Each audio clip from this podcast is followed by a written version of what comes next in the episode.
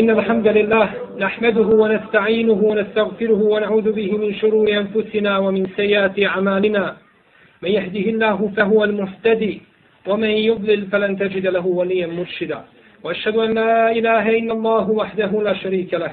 وأشهد أن محمدا عبده وحبيبه ونبيه ورسوله وسقيه من خلقه وخليله أدى الأمانة وبلغ الرسالة ونصح الأمة وكشف الله به الغمة وجاهد في الله حق جهاده حتى أتاه اليقين.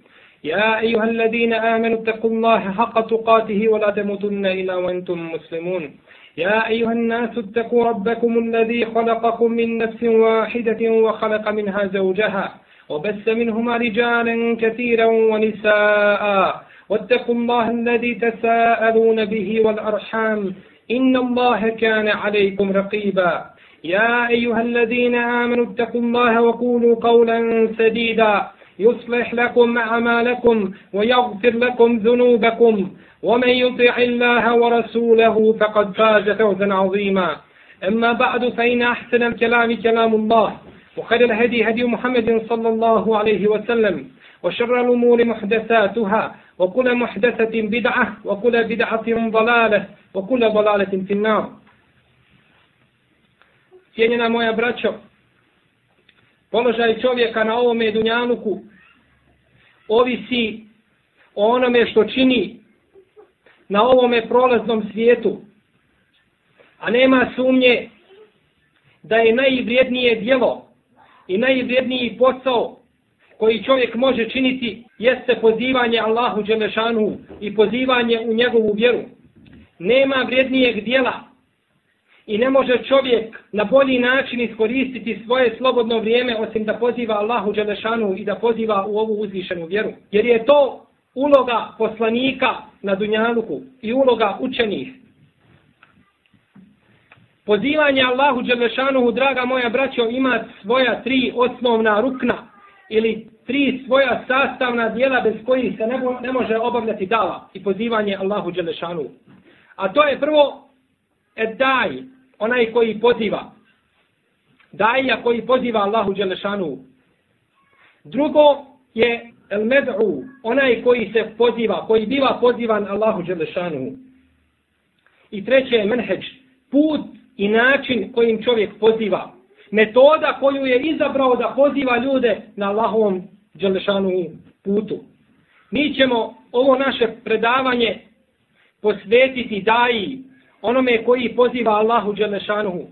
Da vidimo i da se dotaknemo neki svojstava koji bi svaki daja trebao imati i koje bi trebao upražnjavati prilikom pozivanja Allahu Đelešanuhu. Jer dajom se braćo ne smatra samo onaj koji ima završenu islamsku medresu, niti nekakav šarijatski fakultet ili nekakav doktorat i slično tome. Ne, već dajom se smatra svako ko poziva Allahu Đelešanuhu. Poslanik alaihi salatu wasalam je rekao, belligu anni walau aje. Prenesite od mene pa makar jedan ajet. Ono što znate, to prenesite. Pa svaki čovjek koji nauči nešto o islamu, dužan je to da prenese. Pa ako se naučio kako je poslanik alaihi salatu wasalam klanjao, postio, zekija davao i slično tome, dužan si to prenijeti na druge. Svako shodno svojim mogućnostima. Ali obaveza dave, braćo, ne spada ni sa koga naročito u ovim vremenima kada je daja i oni koji pozivaju malo, a onih koje treba pozivati puno. Običaj zemalja i država je kada šalju svoje izaslanike u druga mjesta da pošalju ljude koji su iskusni, razumni, pametni, koji mogu predstavljati tu zemlju. Pa čujemo onda od tih diplomata koji odlaze kada razgovaraju i pregovaraju kako daju kod nas poznate diplomatske odgovore. Diplomatske odgovore, to su odgovori koji nemaju svoga značaja niti koristi. Već kad odgovori, on odgovori na takav način da ne može niko razumjeti šta je on htio kazati time.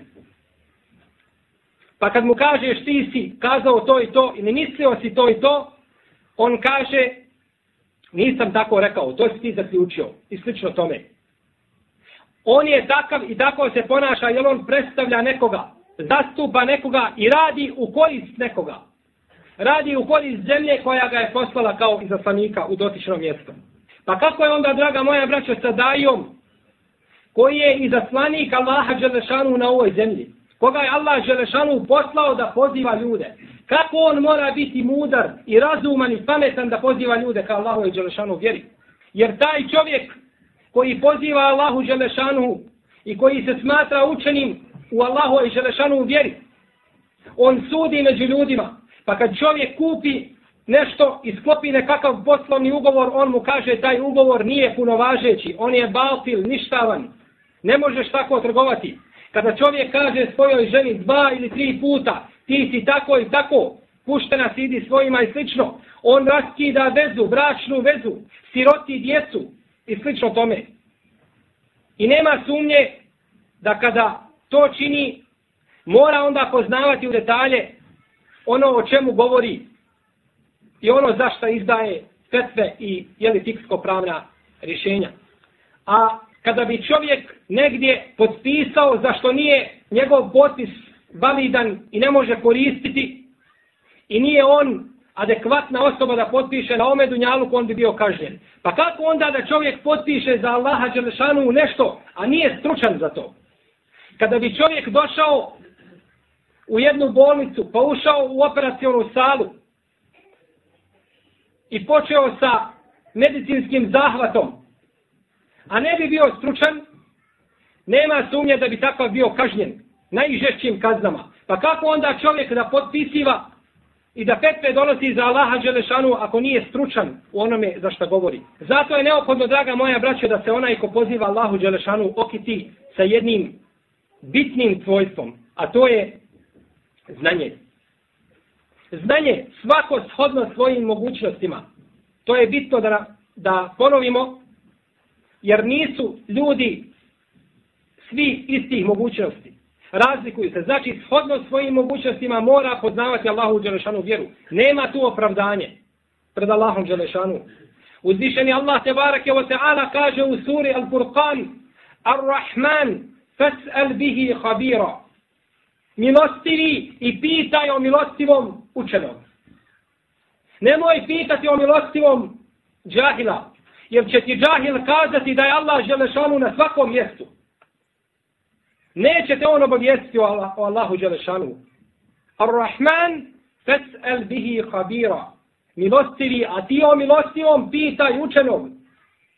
U suri Al-Fatir kaže Allah želešanuhu وَلَا يُنَبِّيُكَ مِثْلُ خَبِيرُ A nećete niko obavijestiti kao što ćete obavijestiti učeni. Nećete niko kazati o Allahu i Želešanu u vjeri i o propisima uzvišenog Allaha Želešanu kao onaj koji je koji se poučio tim propisima i vjeri uzvišenog Allaha. Zato je, draga moja braćo, neophodno čovjeku talibun ilm, onaj koji stiče i hoće da nauči nešto od šarijata i šarijatskog znanja, neophodne su mu dvije stvari. Neophodna mu je knjiga iz koje će učiti i neophodan mu je čovjek, profesor, šejih i nekakav daja koji će ga pozivati i koji će mu objašnjavati. Koji će mu pojasniti ono što ne može razumjeti. Kaže Ebu Hayyan el-Andalusi u svome dijelu Al-Bahrul Muhir, a to je jedan poznati tefsir, u komentaru Allahu i Đelešanu riječi El-Arabu ešeddu kufra u onifaqa, da su oni pustinjaci i beduini da su oni najžešći u svome nevjerstvu i svome licemjerstvu, kaže to je zato što nisu sjedeli na svojim koljenima pred ulemom da se pouče. Nisu se poučili Allahom i Đelešanu u vjeri i zato je njihov kufr žešći nego kufr drugih ljudi. Jer se nisu poučili, jer nisu poznavali vjeru uzvišenog Allaha Azza wa Jal. I kaže Elaiz ibn Abdus Salam, jedan poznati islamski učenjak, rekao je, kaže, nisam nikada mogao donositi fetve i nisam se smirio u donošenju fetvi, kaže dok nisam sebi nabavio dva djela. El Mugni od Ibnu Kudame i El Muhalla od Ibnu Hazma. Kaže imam Zehebi kada je govorio o biografiji imama Ibnu Abdul Berra u Sijeru Alamin Nubela, kaže ko sebi kupi El Mugni od Ibnu Kudame i ko sebi kupi El Muhalla od Ibnu Hazma, i Etelhid od Ibn Abdul Bera i Sunanul Kebir ili Sunanul Kubra od Bejhetija i kaže pogleda u te četiri knjige i nauči onome što se nalazi u te četiri knjige, kaže on je istinski alim. Kaže on je istinski učenjak. Jer je on pogledao u dijelo Mugnija, dijelo Hanbelijskog meseba koje je danas štampano u 15 tomova. El Muhala u 13. Etemhid ibn Abdul Bera u 25. I Sunanul Kubra od Bejhefeja u 10 tomova, koji ima preko 40.000 hadisa.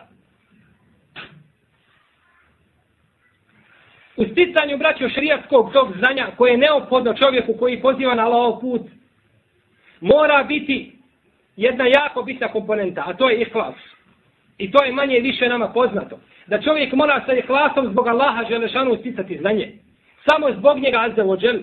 Kaže uzvišeni, وَمَا أُمِرُوا إِلَّا لِيَعْبُدُ اللَّهَ مُخْلِسِينَ لَهُ الدِّينِ هُنَفَا I nije im naređeno nego da Allaha želešanu iskreno obožavaju sa ihlasom. Samo njemu azze ođel. I kaže subhane, Ela lillahi dinul halis. I samo Allahu Đelešanu pripada iskreno obožavanje i iskreno ispovjedanje vjere. I kaže poslanik sallallahu alejhi ve selleme u hadisu koga bilježe Buharija i Muslim od Omara radijallahu ta'ala anhu inneme al-amalu binniyat wa o innema li kul imri ima. Svakom čovjeku pripada ono što je naumio i što je nanijetio i što je namjerio. Djela se cijene po namjerama. Bileži El-Khatib El-Bagdadi u svome dijelu Et-Tarih u povijesti svojoj jeli od Ruejda Ibnu Ahmeda jednog sufije da je rekao El-Ihlasu el-la tenzire ala amelike ajvadan fid darejni wala hazan min al melekejni. kaže ihlas je da ne očekuješ od Allaha Đelešanu nagradu ni na dunjaluku ni na ahiretu i kaže da ne očekuješ da će ti meleki nešto lijepo upisati. Ovako je definisao ihlas. I ovo je potpuno pogrešna definicija ihlasa. Da činiš jedno djelo i da očekuješ, ne očekuješ da te Allah nagradi ni na dunjalu ni na ahiretu. Zbog čega ga činiš? Tako, badava ga činiš, samo da ga činiš. Niti očekuješ da ti melek upiše. To je nemoguće. Jer može čovjek imati volju da radi neko djelo, a nema nikakve koriste od njega. A svjestan je da nema koriste. To je nemoguće. To su kao riječi onoga koji je kazao da je ihlas da se kod čovjeka poistovjeti dobro i zlo. Kada dođe neko pa te pohvali i kaže ti da te Allah nagradi, učinio si dobro djelo, molim Allaha da te učvrsti na pravom putu i sliš o tome, i kad dođe pa te ispsuje, izgrdi, kaže mora biti isto u tvome srcu. To je nemoguće. Allah Đelšanu nije tako stvorio čovjeka. Ne može nikako čovjeku biti svejedno i da gleda na dva čovjeka Na isti način, jedan ga ispsovao, a drugi ga pohvalio. Ili mu lijepe riječi kazao. To ljudska priroda ne prihvata. Kaže Allah te bareke o taala: u rekad nanemu, enneke jadiku sadruke bima je kulun.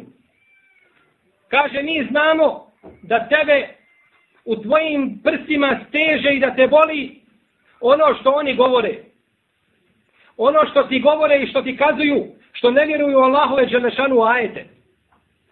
I kaže, azze o džel, وَكَدْ نَعْلَمُ إِنَّهُ لَيَحْزُنُكَ الَّذِي يَقُولُونَ فَإِنَّهُمْ لَا يُكَذِّبُونَكَ Kaže, mi znamo da tebe žalosti ono što oni govore. Žalostite ono što oni govore i kako se prema tebi obhode. Oni tebe ne utjeruju u laž, fe innehum la yukezibunek, walakinne zalimine bi ajati Allahi ječhadun.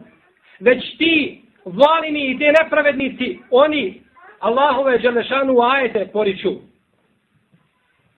Poslaniku sallallahu alaihi wa sallam nije bilo svejedno da li ga ljudi hvale i da li prihvataju od njega i da li suprotno tome govore. On nije znači gledao to na jedan te isti način. Pa kako onda da bude ljudima nakon poslanika alaihi salatu veselam? Došao je čovjek u vrijeme Ebu Bekra radijallahu ta'ala anhu, pa uvrijedio je Ebu Bekra i svašta mu govorio ružne riječi i tako dalje, pa se Ebu Bekr naljutio i bilo mu teško. Pa jedan od ashaba rekao, o vladaru pravovjernih, dozvoli mi da ga udarim sabljom po vratu, da ga ubijem.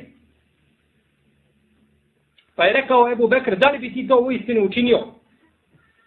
Kazao je bi, učinio bi to. Pa je kazao Ebu Bekr radijallahu ta'ala anhu, to nije bilo nikome osim poslaniku sallallahu alaihi sallam. To jeste nije nikoga dozvoljeno ubiti zbog toga što uvredi nekoga osim onoga koji uvredi poslanika. Ko uvredi poslanika alaihi sallatu wasalam, njegova kazna na dunjalu je smrt. Takvog treba ubiti. Pa Ebu Bekr znači kao najbolji čovjek posle Allahovog vjerovjesnika, nije mu bilo sve jedno da li ga neko uvrijedi i da li mu neko kaže lijepe i blage riječi.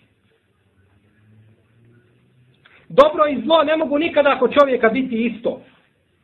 Ne može nikada čovjek kazati da je isto za njega ako živi u tegobama i iskušenjima i ako živi u raskošu i repoti. Draže nam je tako, mi, tako nam Allaha da Allah Želešanu nam da lijep i ugodan život pa da mu zahvaljujemo, nego da nas Allah Želešanu iskuša pa da budemo strpljivi.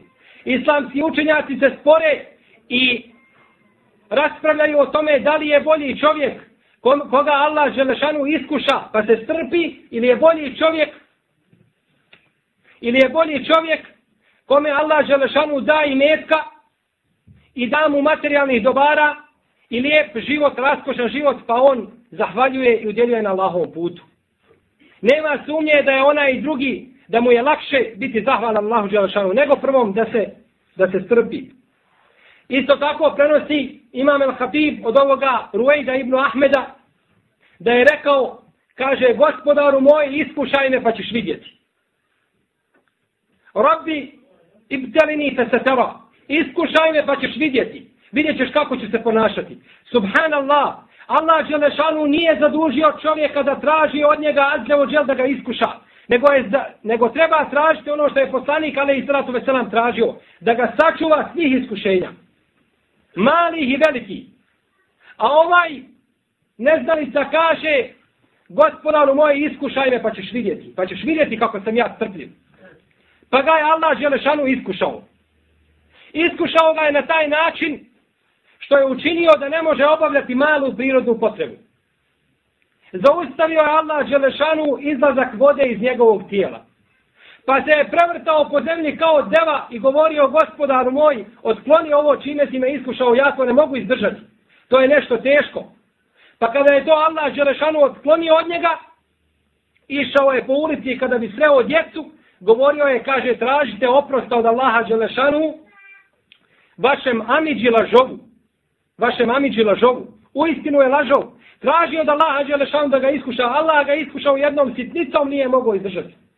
Tako nam Allaha tražimo od Allaha da nas sačuva pitnjeta iskušenja malih i velikih, a posebno onih koje ne bi mogli izdržati na njegovom putu. Nije robu da on traži od Allaha Želešanu da ga iskuša, nego treba tražiti utočište i zaštitu od svih iskušenja, koja ne bi mogao podnijeti na Allahovom Đelešanu putu.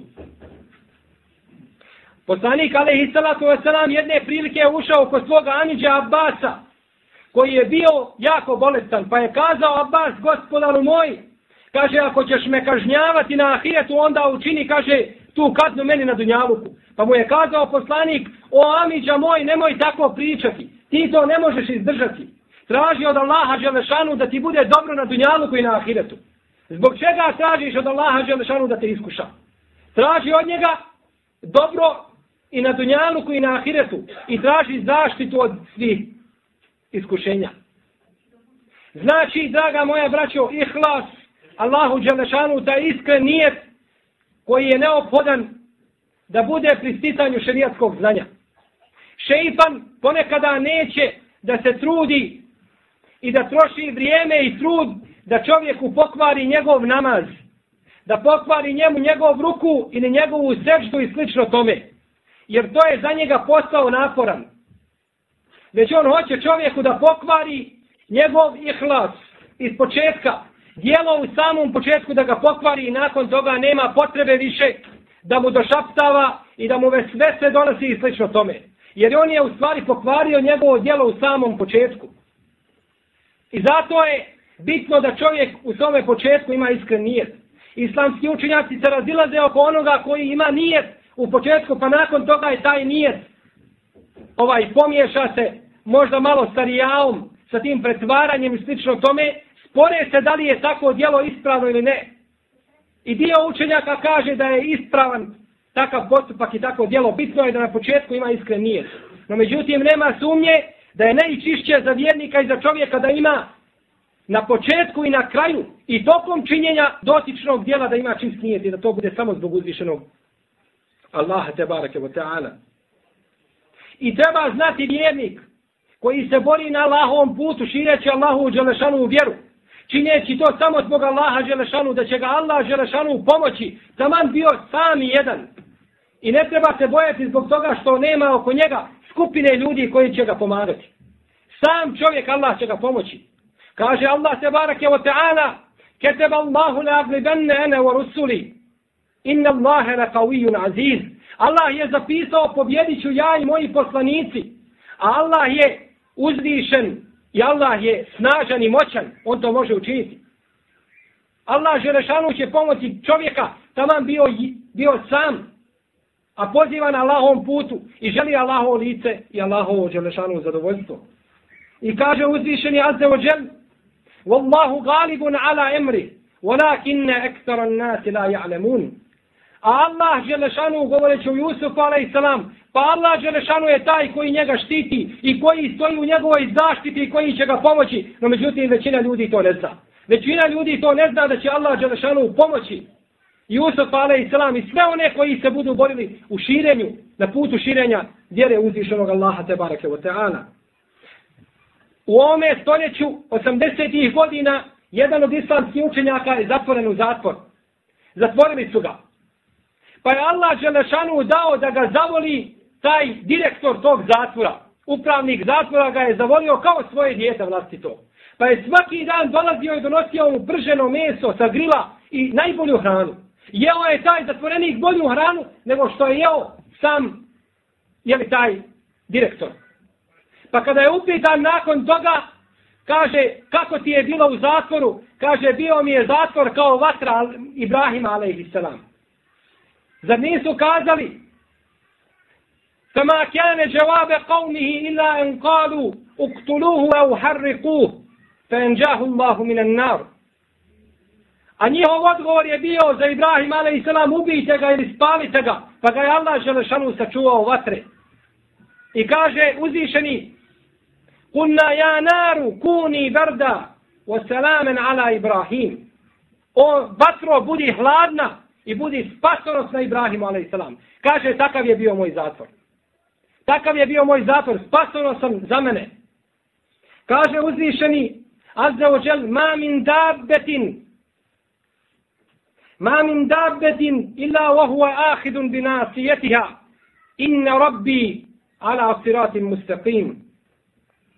Kaže uzvišeni, nema ni jedne životinje, niti jednog živog bića koje se kreće na zemlji, a da ga Allah Želešanu ne drži i da ne upravlja sa njim.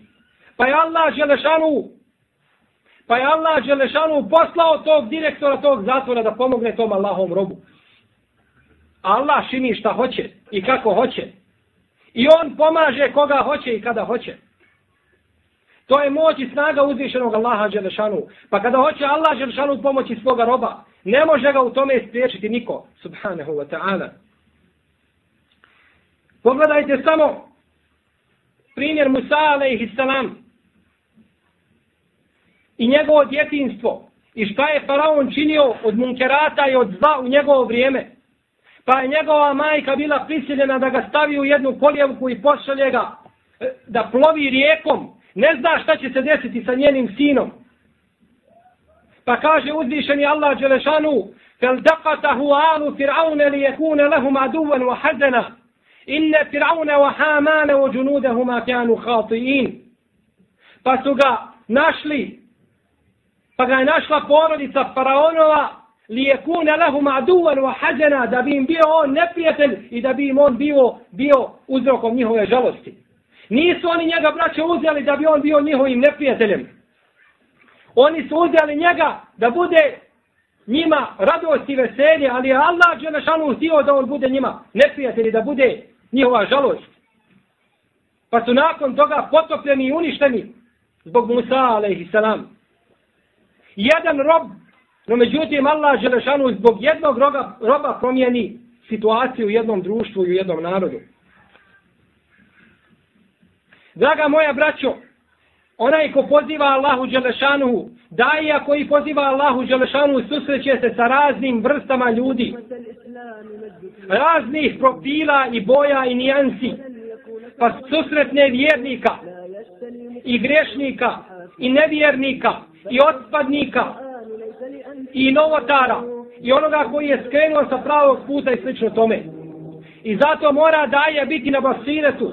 Mora imati to zdravo razlučivanje i da zna kako da se obhodi sa različitim skupinama ljudi. Jer poslanik sallallahu alaihi wasallam nije postupao sa svim ljudima na isti način. Razlikovao je ljude u pogledu u pogledu svoga rada sa njima. Bilo da se radi o poučavanju vjerskim propisima, o upozoravanju na greške koje čine i slično tome. Pa će čovjek prema novotaru imati poseban način i poseban metod da mu priđe. Jer je novotarija veliko zlo. Draga moja braćo, onaj ko poziva Allahu Đelešanuhu, daja koji poziva Allahu Đelešanuhu, susreće se sa raznim vrstama ljudi. Raznih profila i boja i nijansi. Pa susretne vjernika i grešnika i nevjernika i otpadnika i novotara i onoga koji je skrenuo sa pravog puta i slično tome. I zato mora daje biti na basiretu. Mora imati to zdravo razlučivanje i da zna kako da se obhodi sa različitim skupinama ljudi. Jer poslanik sallallahu alaihi wa sallam nije postupao sa svim ljudima na isti način. Razlikovao je ljude u pogledu u pogledu svoga rada sa njima bilo da se radi o poučavanju vjerskim propisima, o upozoravanju na greške koje čine i slično tome. Pa će čovjek prema novotaru imati poseban način i poseban metod da mu priđe. Jer je novotarija veliko zlo. Novotarija među ljudima i u vjeri je veliko zlo. I to je veće zlo nego bilo koje drugo zlo koje može biti u vjeri. Kada bismo vidjeli čovjeka koji čita nemoralnu literaturu i čovjeka koji čita dijela od novotara, kazali bismo da onaj koji čita nemoralnu literaturu da je on u manjoj opasnosti. Jer on koji to čini zna da čini nepokornost Allahu Đelešanu. A onaj koji čini novotarije smatra da obožava Allaha i nastavlja u tome i nikada se neće pokajati od takvog, od takvog dijela prenose istoričari da je Džad Ibnu Derem da je kazao da Allah Želešanu nije uzeo Ibrahima za svoga prijatelja. A uzvišeni kaže Otehad Allahu Ibrahima Halila. Allah je uzeo Ibrahima za svoga prijatelja. I kazao je da nije Allah Želešanu razgovarao sa Musa Omar i Salam, a Allah Želešanu kaže Okenem Allahu Musa teklima. I Allah je u istinu razgovarao sa Musaom Omar. Došao je sa novotarijom, poriče kuranske ajete. I jasno značenje kuranskih ajeta. Pa kada su došli i htjeli da ga ubiju, tražili su od njega da se pokaje. Pa nije pristo. Nije pristo da se pokaje zato što on smatrao to što čini, da je to vjera i da je to din i da se time približava Allahu Đelešanu.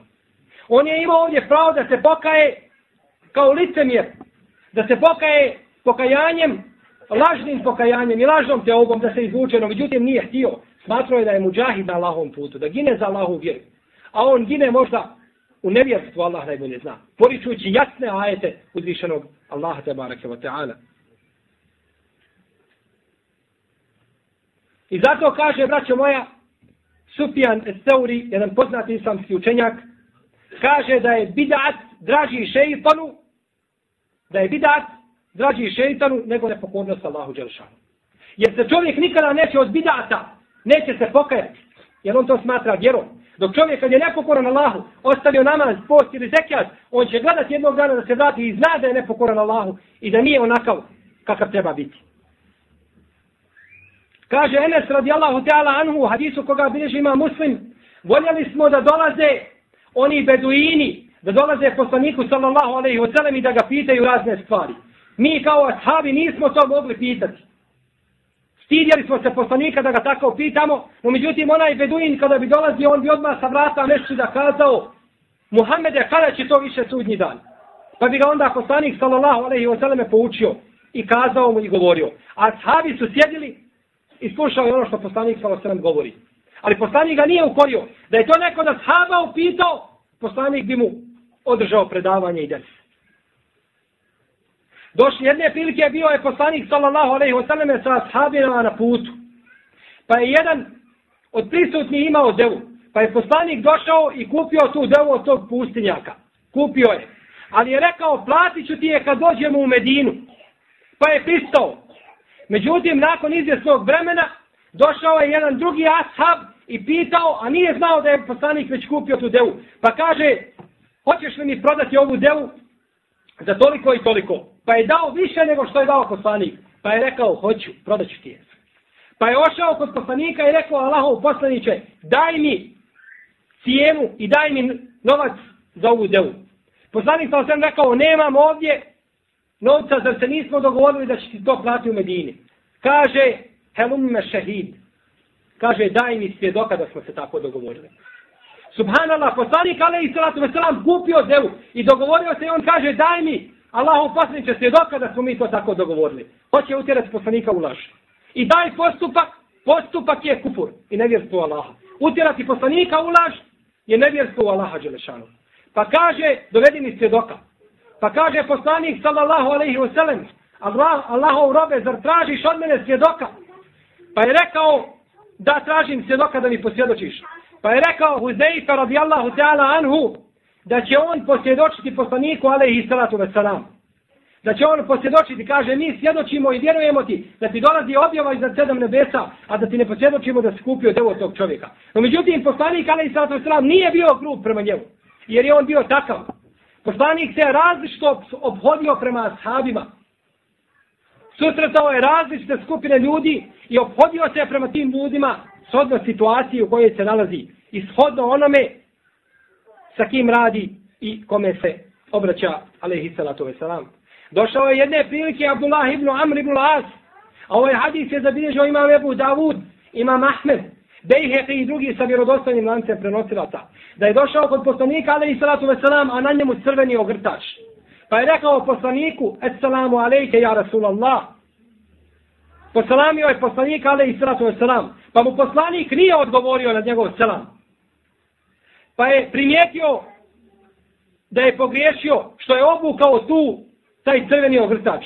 Crvena braćo boja je zabranjena muškarcima. Crvena boja je haram muškarcima. Prenosi se u vjerodostojnom hadisu da je poslanik sallallahu alejhi ve sellem zabranio da čovjek oblači crvenu boju. Pa je došao u tom crvenom ogrtaču. Kada je poselamio ga, poslanik nije odgovorio. Pa se okrenuo, otišao kući i spalio taj ogrtač. Pa je obukao drugu odjeću i vratio se poslaniku, pa ga poselamio, pa mu je poslanik odvratio selam i kaže, šta si učinio s ogrtačem? Kaže, spalio sam ga Allahu poslaniče. Kaže, zbog čega ga nisi dao svojoj porodici, ženi svojoj? Kaže, to je dozvoljeno ženama. Dozvoljeno je ženama da nose takav ogrtač. Nije dozvoljeno čovjeku da obuče crvenu boju. To mu je haram i zabranjeno. Možda će neko kazati šta ćemo onda sa hadisom poslanika sallallahu alaihi wasallame koji bilježi ima muslim i drugi u tome sahihu da je jednog dana Allahov poslanik izišao pred ashave, a na njemu bio crveni ogrtač. Zato nije oči ta kontradiktornost. Kažemo nije. Nije i u hadisima poslanika alaihi sallatu wasallam nema kontradiktornosti. Niti je bilo, niti će biti. Kontradiktornost je u ljudskim razumima koji ne mogu shvatiti šerijatske dokaze a u hadisima nema ni tu ajcima kontradiktornosti. Bože, sačuvaj. Islamski učenjaci na ove hadise odgovaraju na tri načina. Kažu jedni da je to bilo dozvoljeno samo poslaniku da obuče crvenu boju. I ovo mišljenje je slabo. Nije jako.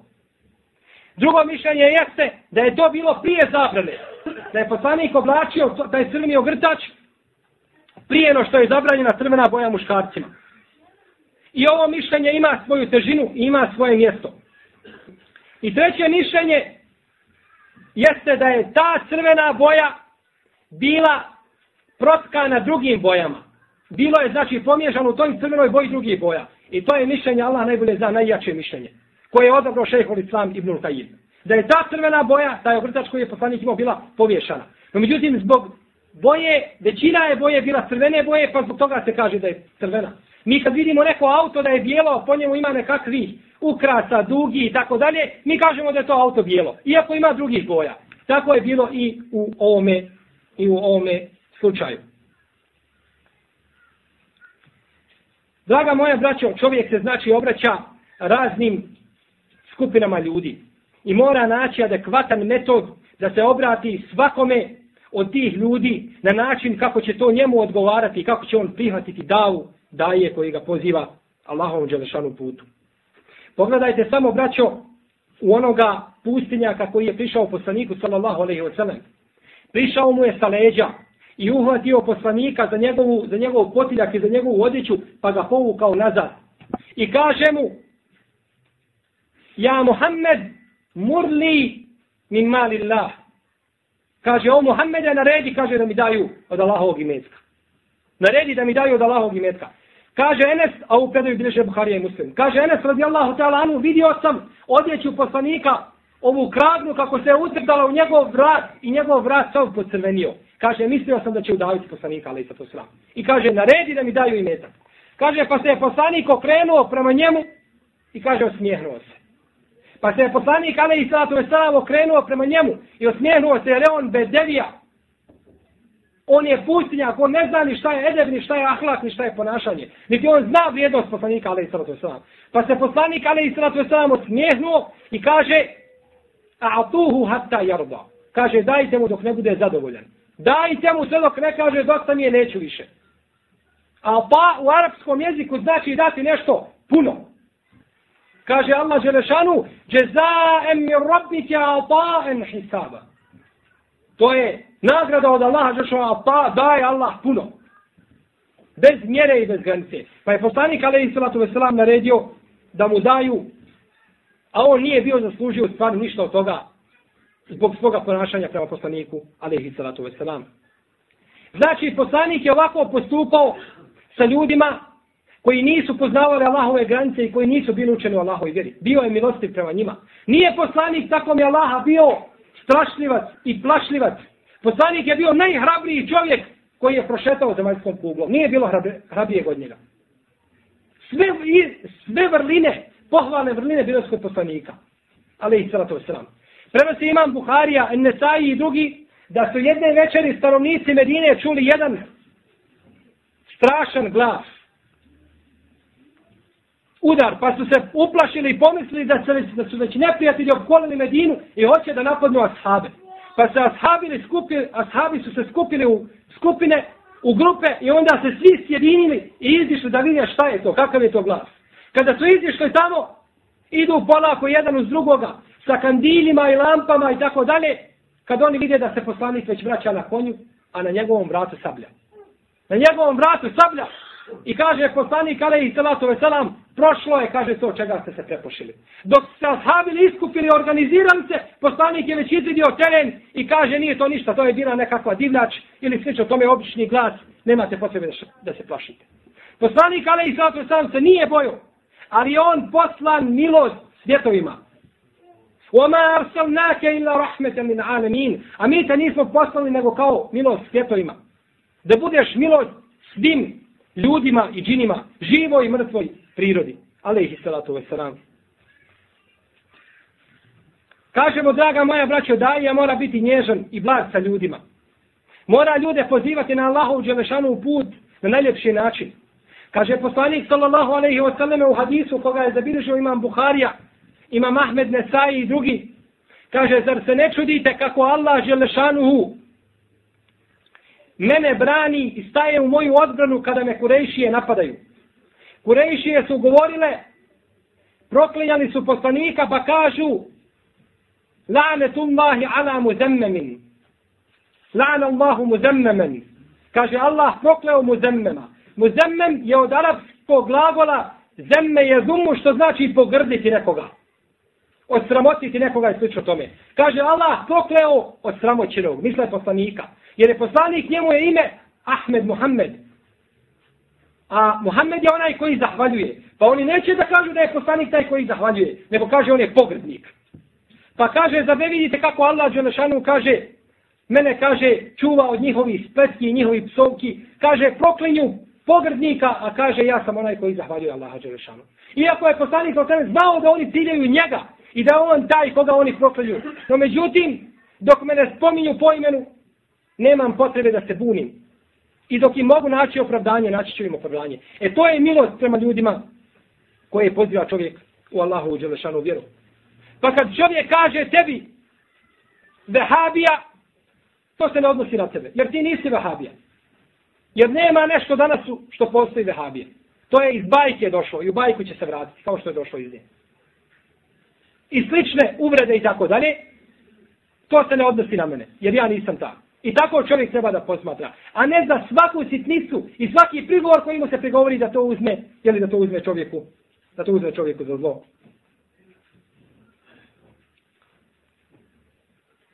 Draga moja braća, čovjek kada poziva ljude na Allah, u Allahu Đelšanu vjeru, on hoće tim ljudima selamet i hoće im dobro.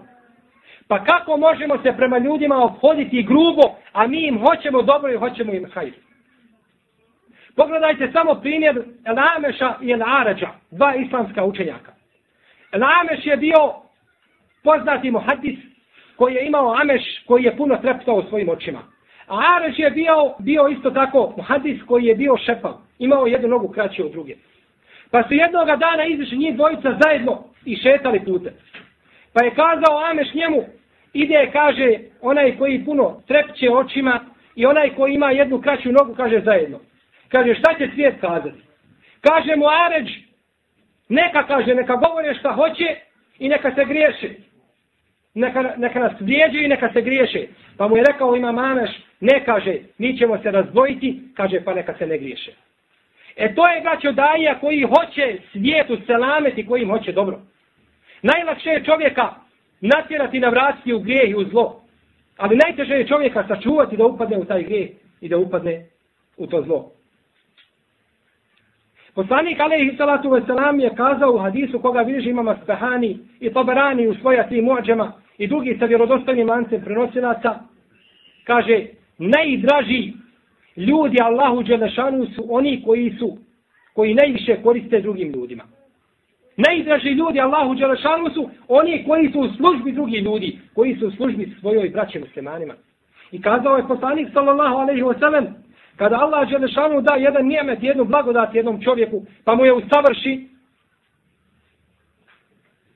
i kaže, on nakon toga ne bude sa tom blagodati pomagao svoju braću muslimane, kaže, izložio je tu svoju blagodat da mu je Allah Želešanu uzme. A u drugom hadisu stoji da je poslanik alaihi salatu wasallam kazao, kaže, kada čovjek bude počešten od Allaha Želešanu sa jednim ni'metom, jednom blagodati, pa bude koristio ljudima, Allah će mu tu blagodat učiniti trajno. A kada kaže, prekine da koristi ljudima i ne bude dao hak i pravo toj blagodati koju zaslužuje, onda će, kaže Allah, Želešanu, tu blagodat dati drugim ljudima. Oduzet će, znači, tu blagodat od njega i da će drugim ljudima. Zato je neophodno da daje braćo u ovim vremenima bude saburli i da bude strpljiv sa ljudima i sa narodom. Suprotno onome što su činila naša prva pokoljenja. U naših prvih generacija, oni koji stiču znanje, oni su bili sabudli. I narod obični, obični svijet, oni su ti koji su išli kod ljudi da uče. No međutim, danas ljudi trebaju dolaziti drugima da ih poučavaju i oni opet neće da ih prihvate. Naše prve generacije kada su sticale znanje, o čemu ćemo podrobnije govoriti u našim narednim predavanjima, inša Allahu Teala, bili su takvi da kada čitamo njihovu biografiju, kažemo Allahu dragi, jesu li to bili ljudi ili to bili meleki? Šta je to bilo? To nikako, to nije bio običan svijet. To ni, ljudi tako nešto ne mogu raditi. Kaže Imam El Hatabi da su jednoga dana došli a učenjaci hadisa kod Hušajma Ebu Muavije, Hušajm Ibn Bešir, Ebu Muavija, Sulemi, da su došli kod njega i da su tražili za nje. Ovaj poznati imam islam slučenja koji je živio u vrijeme imama Malika. Umro je 183. iđatske godine. Tražili su znanje, pa su se toliko okupili oko njega da su popadali jedni po drugima. Pa su jednog starog šeha, jednog starog čovjeka, pao je pod njihove noge. Pa su oni gazili po njemu. Ovo je naravno neispravan postupak, no međutim vidimo koliko su oni bili željni i gladni i žedni znanja da nisu više gledali na brata muslimana. Bitno mu je samo da sazna. Jer je to Allahova želšanu vjera. Pa su mu slomili ruku. Slomili su mu ruku gazeći po njegovom tijelu. Pa je on, taj stari nego je govorio, kaže, Sufijane, neću ti, kaže, nikad halalti ovo što si učinio. Zbog čega si tako okupio, kaže, nikad ti neću halalti. Pa je Sufijan upitao jednog od prisutnih šta kaže, nisam razumio. Kaže, rekao je, samo pričaj, daj nam još. A on i dalje pod njihovim nogama. To je želja i žudnja za šarijatskim znanjem. Pa oni kako su bili, kako su se obhodili sprem tog znanja, tako im je Allah Želšanu i dao. I uzdignuo njihov spomen do sudnjega dana. Spominjat će se po dobru i spominjat će se po hajru. Spominje imam al-Hafib al-Bagdadi u svome dijelu šerefu ashab al-Hadis, da je imam Ameš on je bio jako žestok prema onima koji su sticali šerijatsko znanje. Kada bi mu došli, kaže, nema gori od ljudi, nema gori ljudi od onih koji traže hadis. Kada to su najgori ljudi na dunjalu. Pa kaže, kad bi se odljutio, kazao bi, ipak ste vi, kaže, najbolji.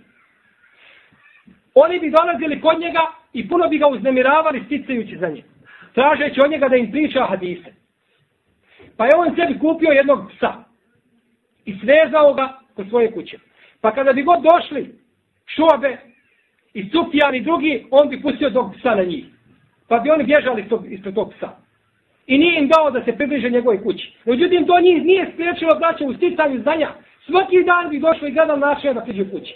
I jednog dana, tako, nakon izvjesnog vremena, prišli su kući, prilazili, pokucali na vrata, kada je on otvorio, odmah su se svi onako ovaj a, sručili na njega i tražili da, da im govori. A on je zaplakao. Pa su ga upitali što plaćeš? Kaže, umro je onaj koji je pozivao na dobro i odlačao zla. Umro je pas koji im nije dao znači da priđu u toj kući. Ali pored toga to njih nije spriječilo znači u, u traženju šerijatskog znanja. Znači, draga moja braćo, daja mora biti strpljiv na ome putu u pozivanju u Allahu Đelešanu vjeru. Pogledajte samo u hadis koga smo prethodno spomenuli u kome je ovaj pustinjak prišao poslaniku sallallahu alejhi ve sellem i uzeo ga za njegovu odjeću i stegnuo ga i kaže daj mi kaže od Allahovog imetka o Muhammede. U jednom u jednoj se predaji navodi da je rekao kaže o Muhammede kaže to nije imetak tvoga babe i tvoje majke. Kaže daj mi tog imetka. Kakve veze imaju majka i otac poslanika alejhi salatu ve selam sa tim imetkom? Kakva je to samo nekultura i kako je to obraćanje prema poslaniku sallallahu alejhi ve sellem? Pa je rekao Allahu poslanik alejhi salatu ve selam Yerhamullahu akhi Musa Fakad uziye bi ekstara min hada fa sabr. Kaže Allah bio zadovoljan mojim bratom Musaom. Kaže njega su uznemiravali više od ovoga pa se je strpio. Bio je uznemiravan više nego što sam ja sada uznemiren pa se je strpio na Allahom Đelešanu putu. Iz ovoga hadisa možemo izvući dva zaključka i dvije koristi. Prvo je da čovjek mora se ugledati na svoj selet i na one svoje prethodnike koji su živjeli prije njega. Koji su živjeli prije njega i koji su poživali na Allahom žršanu putu, jer su oni također bili iskušani onako kao što je on iskušan. I druga korist jeste da su ljudi koje najviše iskušan, to su poslanici. Nakon, pa nakon toga onih koji slijede, pa koji slijede po imanu. I po kuvetu i snadi svoga imana. I to je došlo u vjerodostojnom hadisu da je poslanik sallallahu alejhi ve sellem rekao da Najveća iskušenja doživljavaju poslanici potom oni koji dolaze, potom oni koji dolaze po svome imanu. Pa zato, draga moja braćo, kada se neko obrati onome koji poziva na Allahom putu grubim riječima, ni, nema pravo i nije na njemu da njemu uzvrati istom mjerom. Ti znaš, on ne zna. Tvoja greška nije kao njegova greška. On je džahil. A ti znaš Allahove granice i ti znaš kako je poslanik sallallahu alejhi ve sellem postupao. Bileži imam Zehebi u Cijeru u biografiji Uqije ibn Đarraha, a to je bio jedan veliki islamski učenjak koji je bio šejh imama Ahmeda. Kaže se da je bio šejh imama Šafije. Čak u tom se pogledu navodi jedan stih da je spjevao imam Šafija. Da je rekao, šekeutu ila Waqi'in su'a hifzi, fa aršedeni ila terkil maasi, وأخبرني بأن العلم نور ونور الله لا يهدى للعاصي Pa je rekao, kaže, požalio sam se u Okiji da imam slabo pamćenje. Pa mi je rekao Okija, njegov profesor, kaže, čuvaj se griješenja. U istinu je, kaže, znanje Allahov nur i Allahov svjetlo. I kaže, on ga ne da svojim nepokornicima. Kaže Okija ibn Đarrah, da je jednog dana došao jedan čovjek, pa ga je ispsovao. Pa, pa je Okija radijallahu anhu ušao u svoju kuću i namazao svoje lice zemljom i blatom i izišao napolje i kaže nastavi, kaže da me psuješ i da me grdiš. Kaže ovo su od mene učinili moji grijesi, kaže pa je Allah Đerašanu, kaže poslao tebe kao kaznu meni. Čovjek kada mu se deši neko zlo, on svakoga krivi više možda nego samoga sebe. Ima okija, sigurno nije u ome slučaju bio kriv. No međutim, tako je postupao. Opet je krivicu svaljivao na sebe samoga.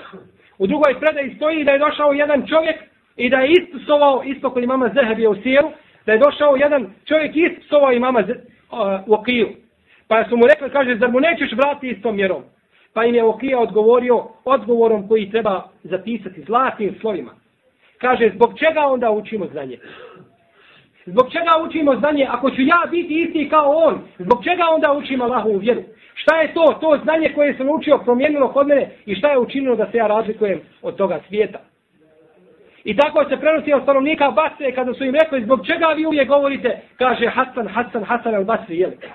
Pa rekao Hasan pa učinio Hasan i tako dalje, kažu, on je, kaže, bio, kaže, odvojio se i kaže nije bio potreban našem dunjaluku, a kaže mi smo bili potrebni njegovom zanju.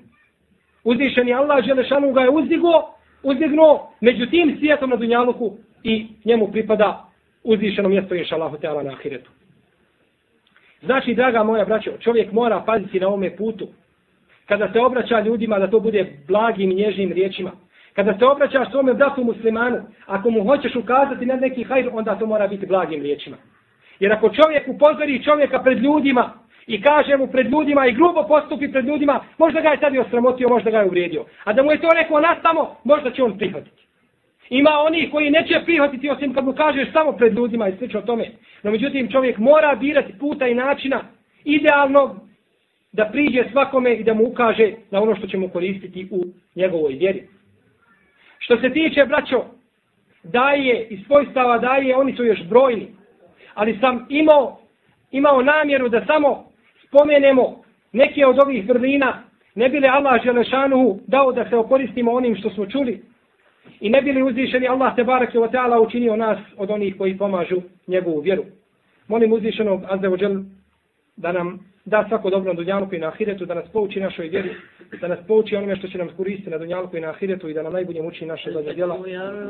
Allahum salli ala Muhammedin wa ala